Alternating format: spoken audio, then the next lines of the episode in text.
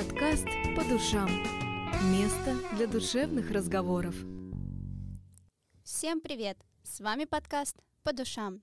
С вами, как всегда, я, Арина Дмитриева. И сегодня у нас в студии уже постоянный гость, нутрициолог и коуч по питанию Катрин Савченко. Привет, Катрин! Всем привет!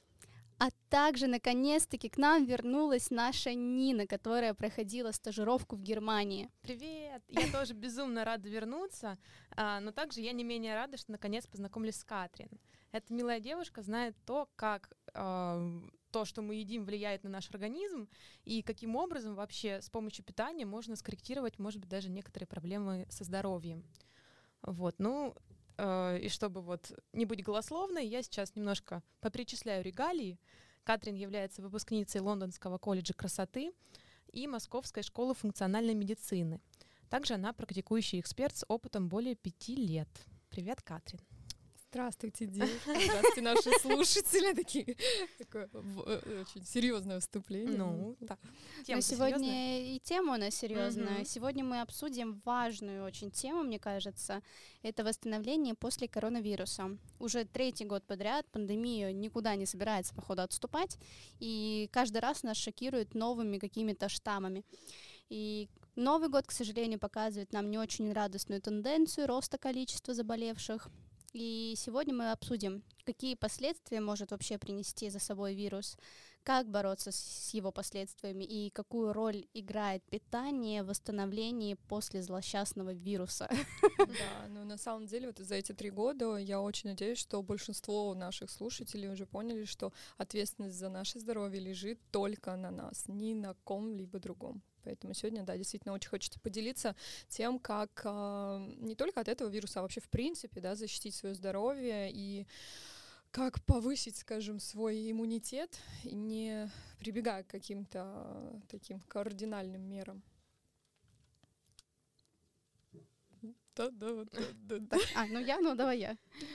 Катрин, расскажи, пожалуйста, чем вообще опасен коронавирус и как он воздействует на организм? Ну, безусловно, вирус э, достаточно э, негативно влияет практически на каждую функцию нашего организма. Вот, и как и любой другой вирус, как и любая другая инфекция, на самом деле этот вирус бьет по самым э, таким слабым точечным mm-hmm. местам. Именно поэтому очень у многих начинается обострение хронических заболеваний, да, начинается обострение каких-то скрытых заболеваний, которые человек, возможно, они у него были, но он не обращал на них mm-hmm. внимания. Как правило, это могут быть аутоиммунные заболевания, да. Но, конечно, нужно понимать, что самое большое большое поражение идет именно на клеточном уровне. А вот здесь коллапсы случаются, потому что нужно понимать, что мы с вами, как э, вот э, экран телевизора, да, он состоит из пикселей, так весь наш организм состоит из клеток, да, каждый орган абсолютно содержит в себе огромное количество клеток, вот, и дело в том, что этот вирус, он поражает именно клетки, и он поражает именно ядро клетки, а в ядре нашей клетки находится такое то есть ядро нашей клетки, оно называется митохондрии. Uh-huh. Митохондрия — это то, что является нашим, ну, э, если так простым языком, это генератор энергии. То есть это то, что дает нам жизненные силы, жизненную энергию.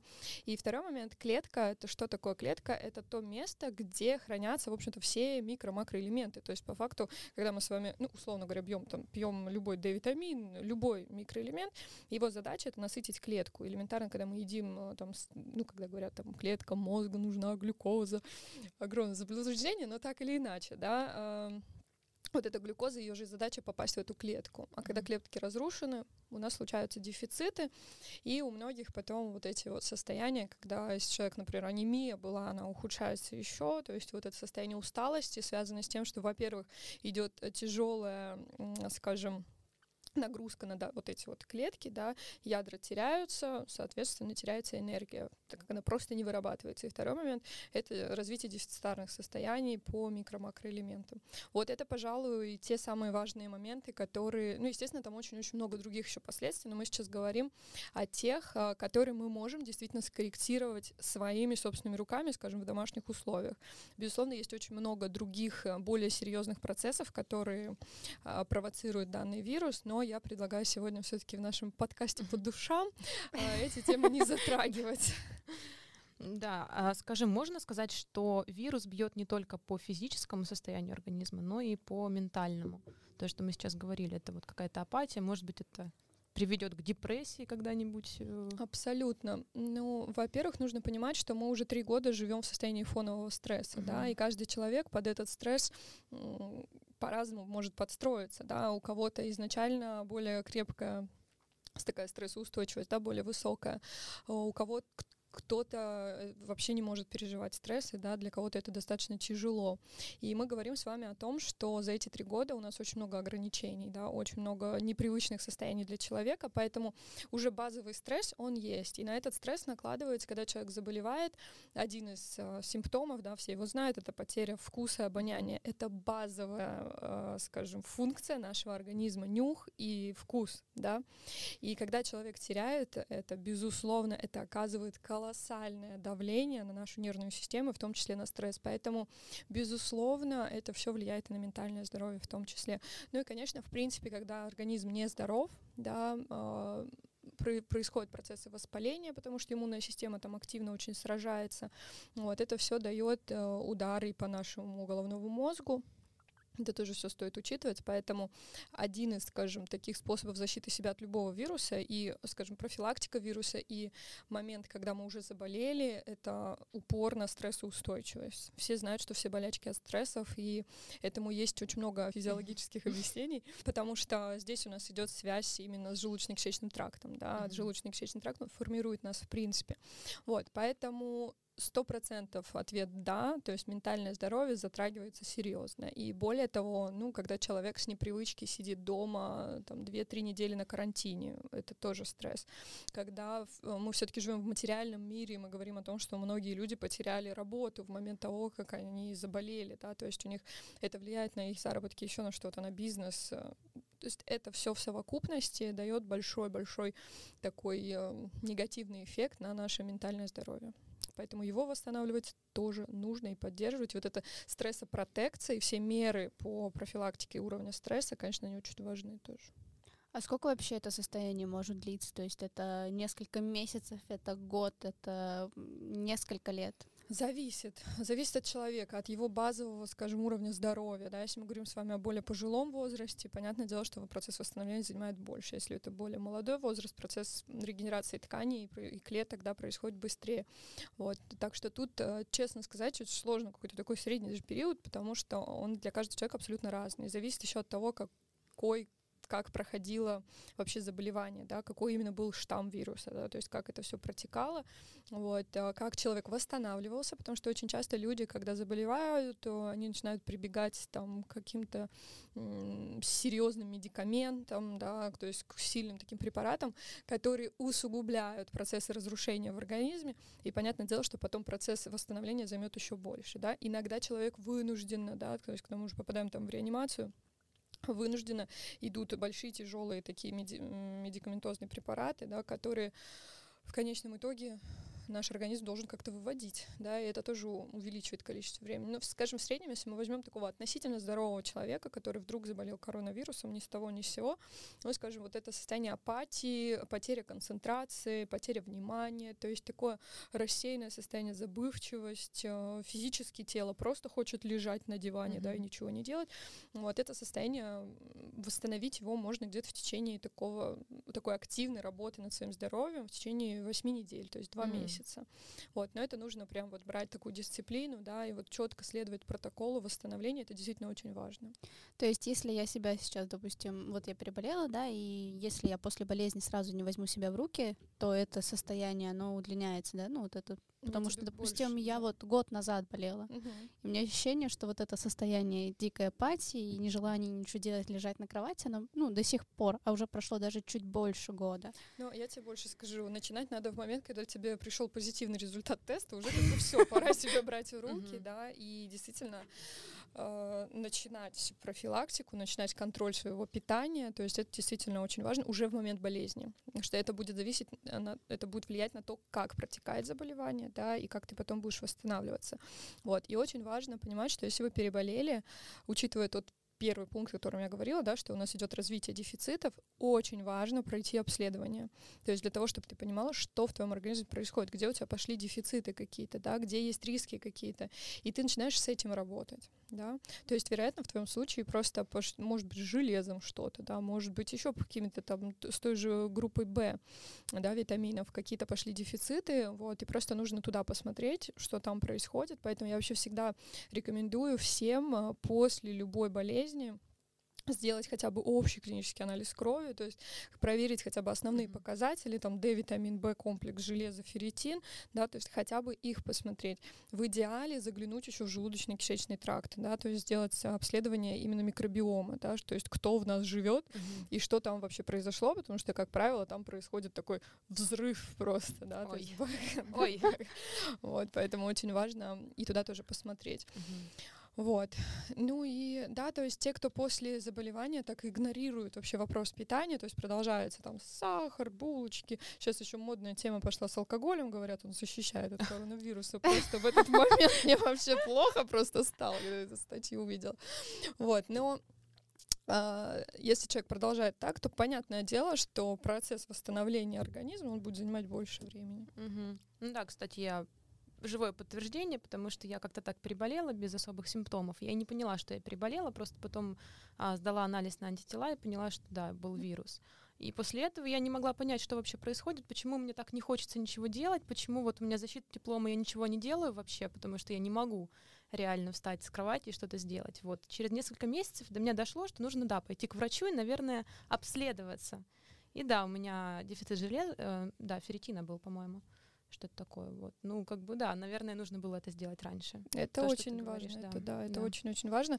Причем, что вам могут сказать, что вам вообще ничего не надо сдавать, и это не имеет никакого смысла. Mm. В этом случае, конечно же, мы берем ответственность на себя за себя, да, и все-таки идем и настаиваем и сдаем. Угу. Ну да, в целом семейные врачи должны давать такие направления на проверку. Как бы тут у них нет шансов отказать нам. Как бы если мы хотим знать состояние нашего здоровья, у нас есть для этого возможность, и семейный врач нам должен дать эту бумажку, которая нас отправит на анализы. Да. Ну, если у нас вредные, допустим, семейные врачи, то придется уже за свою денежку куда-то вот идти. Это и к сожалению, да, то есть все-таки практика показывает, что очень сложно получить какие-то результ... ну, направления на анализы, вот. Но опять же можно, да, то есть если знать некоторые такие точечки, вот, то можно чуть-чуть надавить на семейных врачей и получить то, что нам нужно. Но главное понимать, что это нужно. Да, то есть самое важное, что хочу донести до наших слушателей, что действительно не, нельзя игнорировать после э, такого, знаете, вот можно представить, после коронавируса в организме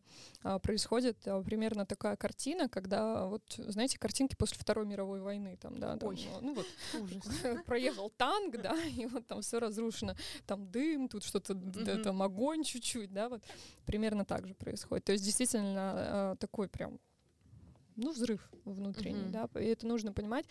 И как бы там ни было, есть вирус, нет, то есть все что угодно, да, а, физически организм действительно подвергается большому-большому разрушению. Mm-hmm. Ну, я предлагаю сейчас перейти непосредственно к питанию. Вот можно ли какими-то, может быть, средствами э, ускорить, скажем так, восстановление после коронавируса? Вот грубо говоря, питаться там капустой какой-нибудь, вот, если бытовыми какими-то словами.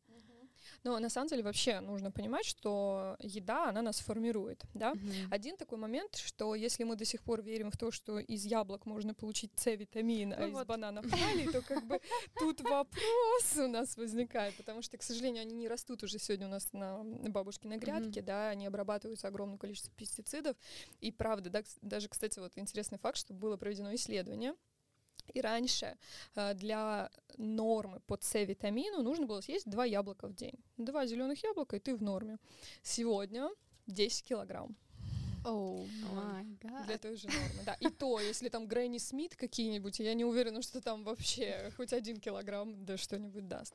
Вот, значит, это я к чему говорю? Это к тому, что если мы не берем с вами в расчет фрукты и овощи, зелень, да, а, то есть у нас масла, семена, у нас есть там крупы, белковые продукты, которые действительно формируют нас, да, они формируют, э, из чего мы состоим, как по микро, так и по макроэлементам. Вот, поэтому питанием действительно можно восстанавливать себя, можно восстанавливать свое здоровье, можно его поддерживать на, на нормальном уровне, и игнорировать это не стоит. И, значит, самое первое, что нужно понимать, что после э, заболевания, да, самое важное это снижать именно токсичную нагрузку на наш организм, потому что любые токсичные продукты, ну, например, маргарин, там, uh-huh. да, или белая мука, или сахар, это те продукты, которые разрушают, да, наш организм. И вот я когда работаю там с детьми, например, я всегда им привожу пример. Говорю, вот представьте, вы построили спичечный домик, да, из спичек, вот вы там день провели, вы его строили, строили, и вечером пришла ваша младшая сестра и так камушек туда бросила, и вы все разлетелось. Примерно такой же процесс происходит, когда мы едим сахар, да, с нашим организмом. А в момент, когда ваш организм и так шокирован, и он и так затрачивает огромное количество энергии на процессы восстановления, ведь он, он способен восстановить организм, да, а, то есть сам, само, сам же организм, сам же себя, он прекрасно регенерирует. Но вопрос в том, что мы ему мешаем, Потому что у нас пятница, и нам захотелось вина. Потому что на нас смотрит Наполеон и срочно нас хочет, да, а мы его, и у нас взаимная любовь случается. Вот, и мы таким образом нарушаем вот эти все процессы, которые организм, в принципе, сам способен налаживать, да, и проводить.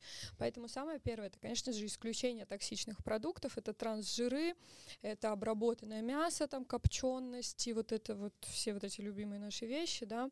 А, конечно же, исключение булочек, выпечки и так далее. То есть, если мы хотя бы один месяц после заболевания сможем вот продержаться без сладостей, без копченостей, без э, сильно зажаристых продуктов, да, без, э, то есть, если мы будем хотя бы десерты покупать, да, не полный маргарина, там, белой муки, а более полезные варианты, либо делать их сами, то, безусловно, наш организм будет восстанавливаться значительно быстрее.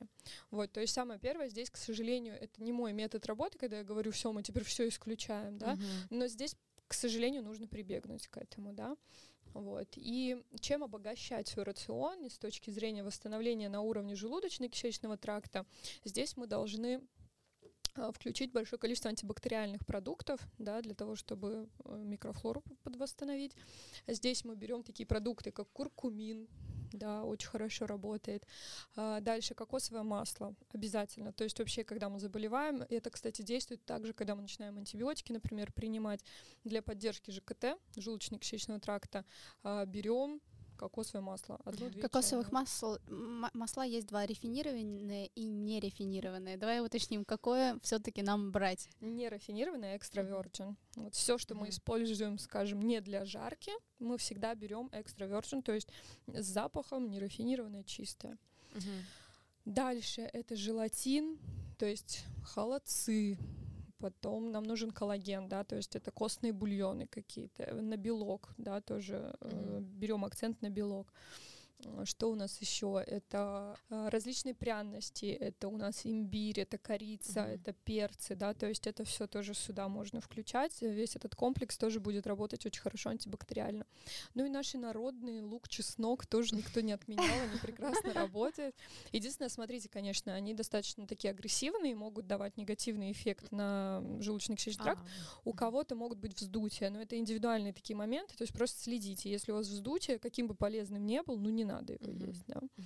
Вот а, зеленый чай обязательно. Зеленый чай содержит в себе достаточное количество микроэлементов, которые помогают именно э, в качестве антиоксидантов, да, то есть снимают вот эти вот процессы разрушения, да, которые у нас произошли в организме. Вот. Э, что у нас еще? Алкоголь mm-hmm. наш враг, хотя бы на месяц, хотя бы на месяц, давайте его в, э, врагам отнесем. А можно и не на месяц? Можно и на месяц. Да, ну, э, скажем, если нету такой прям серьезной потребности, да, исключать алкоголь, то можно иногда его выпить, да, но в плане восстановления после здоровья, естественно, мы говорим о том, что мы его убираем, да. А, далее, ну, мы можем немножечко затронуть тему овощей и фруктов, да? Ну вот да, да кстати это тоже говоря, интересно. у меня вот вопрос назревает, потому что мне с детства говорили, вот у тебя низкий уровень железа, давай яблоки. Вот у тебя там... Или гранат. Э, ну, что-то такое, да. У тебя, допустим, со зрением плохо, давай чернику, вот прям. С морковочкой. Да, купим тебе на базаре там килограмм, вот сиди кушай. Это правильный подход или... Не сегодня. Угу. Не сегодня. То есть, опять же, смотрите, восстановление желудочно-кишечного тракта, восстановление, э, восстановление организма и большое количество фруктозы, там килограмм черники, угу. это несопоставимые вещи угу. вообще, да, то есть мы должны фруктозу тоже ограничивать все-таки, потому что она дает нам дополнительную нагрузку и на печень в том числе, да.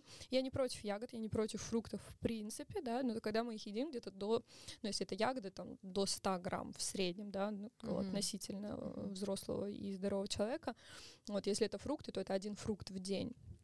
Вот, но как я уже до этого повторялась, ну, э, мы, я не знаю, сколько нужно съесть яблок, чтобы там на железо это как-то повлияло. А, более того, я могу сказать, что когда мы сегодня говорим о том, что у тебя низкий жел... уровень железа, кушай говядину. Для того, чтобы из этой говядины мы получили необходимое нам количество железа, оно должно у нас идеально усвоиться. Для этого у нас не должно быть ни стресса, ни сахара в рационе. У нас должен быть идеальный состав желудочно-кишечного тракта, и тогда, дай бог, 70% той говядины действительно усвоится, и мы получим оттуда mm-hmm. железо. Да? Сегодня в наших э, современных условиях это невозможно. Mm-hmm. Вот, поэтому как бы ни было, как бы я ни была вообще сторонником натурального питания, натуральных методов оздоровления, все равно мы должны прибегать к обогащению своего рациона суперфудами, Сейчас поясню, что это такое. А, добавками, да, то есть это действительно нужно. Особенно если вы знаете, что у вас дефицит D-витамина, вы можете объесться печени трески, да, но Удовольствие, наверное, мало доставит. Ну, возможно, и пользы тоже. Да, поэтому, конечно, проще купить себе капсулы хорошего D-витамина, да, и пропить курс, а печень трески использовать как подкрепление, скажем, этого, да. И то же самое с железом. То есть лучше, если вы уже знаете, что у вас дефицитное состояние, не брать год на то, чтобы там говядиной себе как-то его повысить, и в то же время той же говядиной навредить себе в какой-то мере, да, вот, а все-таки пойти купить опять, опять же качественную добавку и принимать. Вот, касаемо того, что такое суперфуды, э, то есть в связи с тем, что овощи у нас сегодня обработаны, в связи с тем, что овощи действительно пустые, э, сегодня производители начали делать э, экстракты да, растений. То есть вы сегодня можете в биомаркетах различных да, магазинах именно таких э, эко-магазинах, где mm-hmm. продают различные а, добавки, можете найти там а, различные экстракты растений, да, они mm-hmm. могут быть в порошках, в капсулах, могут даже быть в каких-то прессованных вариациях, да, и вот такие вещи я очень рекомендую добавлять, потому что там все-таки мы получаем то количество микроэлементов, которое нам необходимо из черники mm-hmm. или там из малины, и вот тогда действительно на зрение это, например, будет оказывать хороший эффект, но не черника, которая в магазинах, mm-hmm. да, вот, а, и вот раз уж мы ожили железе заговорили, а ковид это один из таких еще одних пунктиков, который разрушает и снижает уровень железа. А, спирулина есть такой у нас продукт, на рынке. Девочки сейчас на меня так посмотрели, увидели. Я подумала, я видела, да, когда странное. Ну, я слышала это, вот, я слышала, я не видела, я не знаю, как это Я не слышала и не видела. Вот, ну, я думаю, ты не одна такая, наших слушателей, кто не видел, не слышал о таком названии, наверное, много, вот, но пугаться не стоит. Это морской продукт, и он зеленого цвета, да, то есть его можно добавлять себе просто раз в день в виде капсул, либо, опять же, с водой разбавлять, есть в виде порошка. Вот здесь у нас идет поддержка уровня железа, да, и на щитовидную железу тоже положительно влияет, и на, на уровень нашего стресса, то есть как стрессопротектор тоже будет очень хорошо работать. Вот, так что не пугайтесь слова спирулина, это знаете, как когда, я все время говорю такой пример тоже, что когда-то галоши были модные, а сегодня у стилистов есть еще куча, такой набор uh-huh. слов, которые да, там да, они да. используют, и куча видов различной обуви, и то же самое с едой, да, то есть если раньше была брюква, картошка, сегодня чуть шире рынок продуктов, uh-huh. вот поэтому не пугайтесь, знакомьтесь с новыми продуктами, поверьте, они вам вреда точно не нанесут. А, вот мы начали говорить вообще в целом о добавках а, и о суперфудах, о новых словах. А, прием витаминов и БАДов или БАДов? БАДов. БАДов. А, в чем их разница и к чему стоит, ну, присмотреться лучше? Что такое вообще БАДы? БАДы — это биологически активные добавки. А, то есть это то же самое, что и витамины Абсолютно. То есть mm-hmm. э, очень часто, например, сейчас можно найти, э, например, биодобавку С-витамин, mm-hmm. да, э, но он будет э, С-витамин из экстрактов различных растений, mm-hmm. да. То есть также можно найти любой другой элемент, который сегодня делают из экстрактов растений, да. Вот это можно отнести к биодобавкам. К биодобавкам на самом деле относится в принципе все, что продается в баночках, в коробочках, mm-hmm. в каких-то пакетиках, mm-hmm. да. То есть это все можно отнести туда. То есть тот же цинк, который, кстати говоря, хорошо восстанавливает иммунитет, а он тоже у нас относится к биодобавкам, mm-hmm. да, то есть к этим самым БАДам. Поэтому слово БАД бояться не надо, это все очень природно, очень безопасно. Ну а стоит это делать самостоятельно или все-таки сначала консультироваться? Конечно, нужно консультироваться. Есть общие схемы, да, есть общие схемы по восстановлению после коронавируса. А, кстати, часть из них я написала в э, статье. Мы закрепим ее под подкастом. Э, чтобы наши э, слушатели и читатели могли с ней ознакомиться. Да, то есть там идет общая схема, которой, в принципе, человек может э, следовать, она ему точно не навредит. Uh-huh. Но если мы хотим прям точечно разобраться с тем, а что же мне конкретно нужно делать, то мы сначала, сначала сдаем анализы, и после этого мы идем к специалисту и уже индивидуально смотрим на то, что происходит. И что еще немаловажно, э, это учитывать образ жизни человека, да, uh-huh. то есть каждый должен учитывать самого себя, свои предпочтения, свой образ жизни и свое вообще отношение ко всему происходящему, mm-hmm. да, это немаловажный аспект, потому что то, что полезно для одного, второму, оно вообще будет не полезно, хотя бы просто потому, что, ну, ну опять же, пример, да, там спортзал это хорошо, да, но не для всех, потому что не все его любят, uh-huh. да, то есть есть другие виды активности. И то же самое здесь. И, конечно же, результат анализов, в принципе, общий анамнез человека, он влияет на то, какие добавки, какой тип питания, какой режим дня мы человеку подбираем. Вот, поэтому тут самостоятельно идти, и вот очень часто я слышу, а, мне подруга сказала, что хлорофилл там это полезно. Ну да, полезно. Но давайте-ка на вашу картину посмотрим, и как-то давайте не будем без хлорофила. Ну, такие ситуации тоже бывают. Поэтому вот без подружкиного совета, конечно, здесь лучше обойтись. А лучше тогда идти, допустим, э, к врачу на консультацию или, допустим, к тебе, к нутрициологу, вот. Ну, а конечно, ко мне. О чем вообще речь?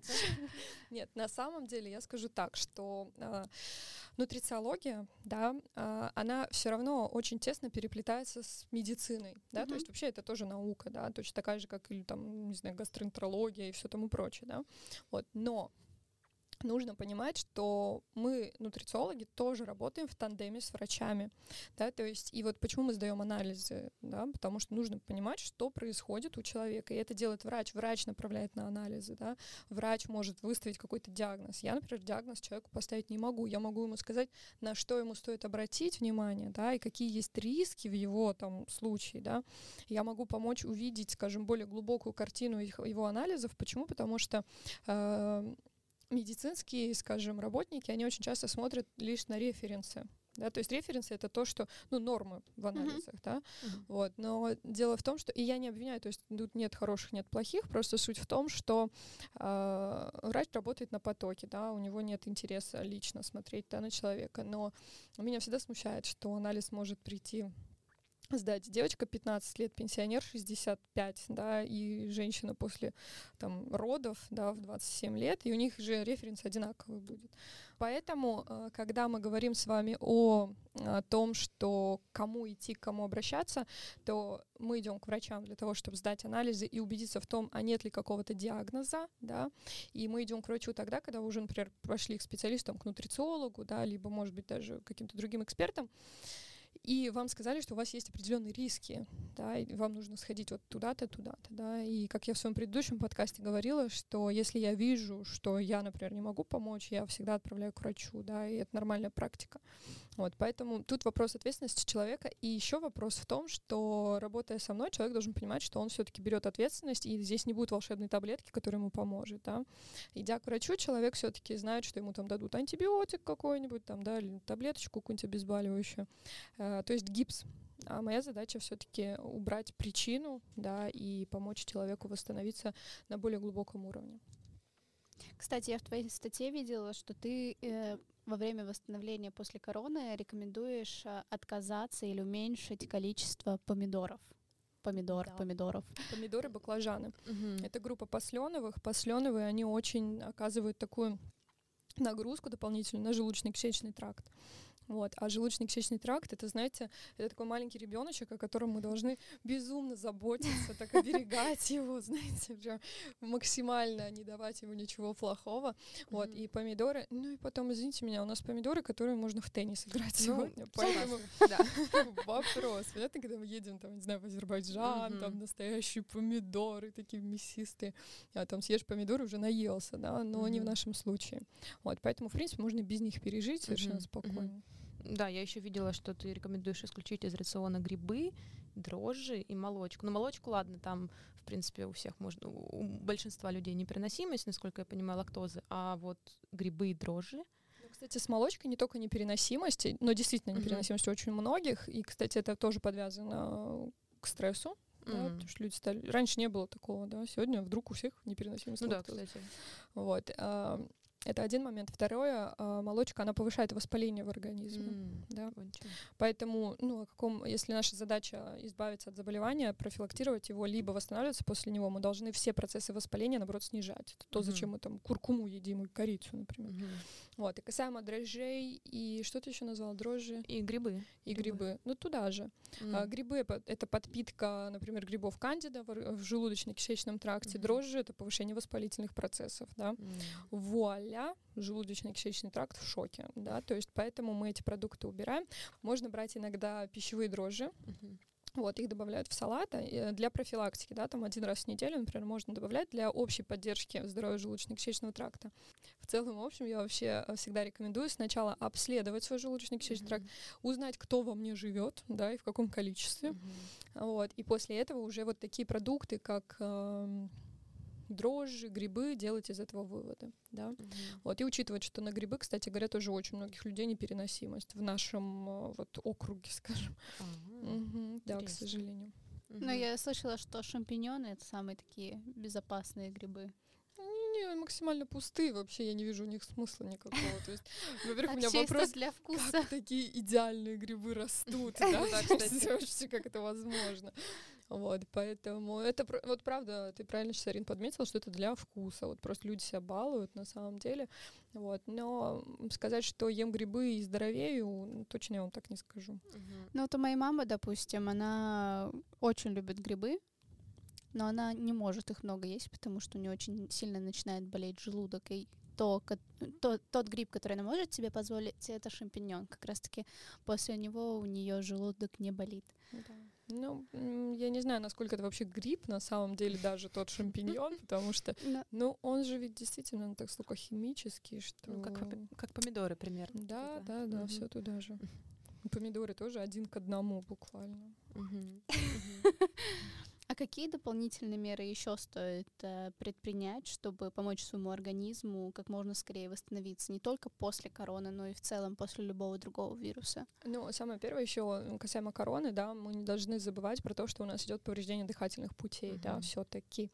И поэтому здесь что? Важно увлажнение воздуха, тем более сейчас у нас отопительный сезон, а отопление дорожает, да, можно как-то избавить обороты, да. Вот поэтому э, открытые окна, проветривание, это все очень важно. А, очень важна тренировка своих легких, это дыхательные практики, это прогулки на улице. Это все очень-очень важно, и это игнорировать нельзя. А, дополнительно, безусловно, это тренировки. А, ходьба 40 минут в активном темпе — это тоже эффективная тренировка. То есть для того, чтобы идти и заниматься спортом, не нужен спортзал, да, это тоже стоит учитывать. А, я очень рекомендую прибегать к ароматерапии, да, ароматерапия сегодня очень хорошо себя проявила в качестве именно инструмента по восстановлению после коронавируса, а, поэтому это тоже момент, который не стоит игнорировать. Какие еще дополнительные меры? Это, конечно же, общая такая, знаете, коррекция своего образа жизни, модификация под более здоровый, да, то есть это коррекция своего качества сна. Если вы знаете, что вы плохо спите, вот самое время заняться этим моментом, потому что именно в ночное время происходит восстановление организма, да, благодаря вот этому э, нашим гормонам. Вот. И поэтому, конечно же, заниматься качеством своего сна тоже очень важно именно с целью восстановления желудочно-кишечного тракта. Обогащение своего рациона, опять же, там, квашенными продуктами какими-то тоже будет положительно сказываться. Там, костный бульон, если у вас есть время его отварить. Я, кстати, своей маме дала задачу, говорю, мама, мне нужен костный бульон, потому что я поняла, что я сама варить его не буду. Вот. Так что вот такие, наверное, основные моменты, которые такого общего характера. Это физическая активность, это дыхание, это увлажнение воздуха, это профилактика э, с помощью ароматерапии, да, это, конечно же, вопросы питания немаловажные, да. Вот, ну, пожалуй, это основное. И, конечно, стресс-протекция. Очень хорошо работает баня да, в баню очень хорошо ходить, очень хорошо делать контрастные процедуры. К ним, конечно же, нужно быть готовым, да, то есть не надо сразу же бежать в Ноблес, нырять там в воду, да, надо себя как-то в душу сначала подготовить, вот, а, вот, наверное, такие основные вещи, да. Э, и, кстати говоря, по поводу сауны, очень-очень рекомендую всем начать ходить в баню. Вот, хотя бы раз в недельку это будет очень-очень хорошо влиять, в принципе, на здоровье в целом, да, не говоря уже о том, что это помогает восстанавливаться, профилактировать и так далее. Mm-hmm. В момент болезни не надо, да, после хорошо, до того, как тоже неплохо. Укрепляем свой организм как можем всеми способами. Да. И, кстати говоря, вот еще наши э, старые бабушкины способы, там, ванночка с горчицей, ванночка с э, морской солью для ног, все это прекрасно работает, не надо это игнорировать, да. Вот, то есть это все тоже методы, которые имеют место быть. Это вот. во время или после? После и до. Ну, то есть, э, будучи здоровым человеком, тоже это все можно делать, да, то есть для того, чтобы не будет, да? для того, чтобы не быть потом больным, да, то есть очень хорошо это хотя бы раз в неделю, например, найти там 15 минут э, времени на то, чтобы посидеть а, с ванночкой с какой-то, да, там раз в неделю сходить в баню. Мы говорим с вами о профилактике тоже, да, это не только после заболевания, после заболевания, естественно, потому что иммунитет в шоке, его надо укреплять всеми возможными методами. Но у многих еще бывает такая крайность, когда мы начинаем делать все и сразу, у нас там куча банок, костный бульон. Это, кстати, мне свойственно, я обычно так делаю. То есть у меня, если, если делать, то так уж все и сразу. Вот, там прогулка 40 минут, и пока все процедуры сделал, уже весь день прошел, да. Вот, а это плохо или это ну, наоборот? Это фанатизм может... уже, честно. Ну, под проверено лично, тебя хватает на три дня максимум, а. да, и потом ты так думаешь... А, да ну, но все устал. Вылечился уже, да? Все прошло и так. Не, на самом деле, я по себе могу сказать, когда я вот в такие фанатичные... Ну, знаете, это иногда тяжело быть экспертом, потому что ты очень много знаешь, ты пытаешься сразу все это применить. Это же ведь все так полезно. Вот. Но на самом деле ни к чему хорошему не приводит, потому что это тоже стресс для организма. И я не раз терпела крушение а после того, как вот все и сразу, да, и потом мой организм такой, не, Катрин, слушай, я лучше поболею, мне так проще. Так удобней. Да, да. Вот, так что вот так. Ну и что еще могу сказать? Забота, просто забота о себе, о своем ментальном здоровье, минимум токсинов э, внешне, минимум токсинов внутренне, имею в виду и людей в том числе. Так что, да, берегите себя и Слушай, ну спасибо тебе большое, потому что мне кажется, это было полезно просто всем, практически всем, потому что все мы сейчас с этим живем, все либо переболели, либо собираются переболеть, готовятся к этому, потому что микрон как бы да. распространяется, да. да, либо у кого-то кто-то болеет, поэтому слушай, ну спасибо тебе огромное, правда. Я очень рада, что это все э, полезно и вам было интересно. И э, момент того, что вот э, очень важно еще понимать, что вот сейчас время, когда просто сейчас январь, да, очень актуальненько, очень многие женщины начинают худеть, да, вот сейчас вообще не об этом надо думать. Когда вы думаете именно о укреплении своего здоровья, о укреплении своего иммунитета, вес, он сам по себе начинает так уходить от вас из вашей жизни, да. Вот, поэтому расставлять сейчас приоритеты правильно, это тоже немаловажно. Спасибо большое, Катрин. Я прям очень сильно насладилась, и мы с Ниной были рады тебя видеть. Надеемся увидеть тебя еще у нас в гостях. С огромной радостью. Я очень рада с вами пообщаться. И надеюсь, что нашим слушателям тоже было полезно и интересно. Ну все, мы с Ариной побежим покупать спирулину.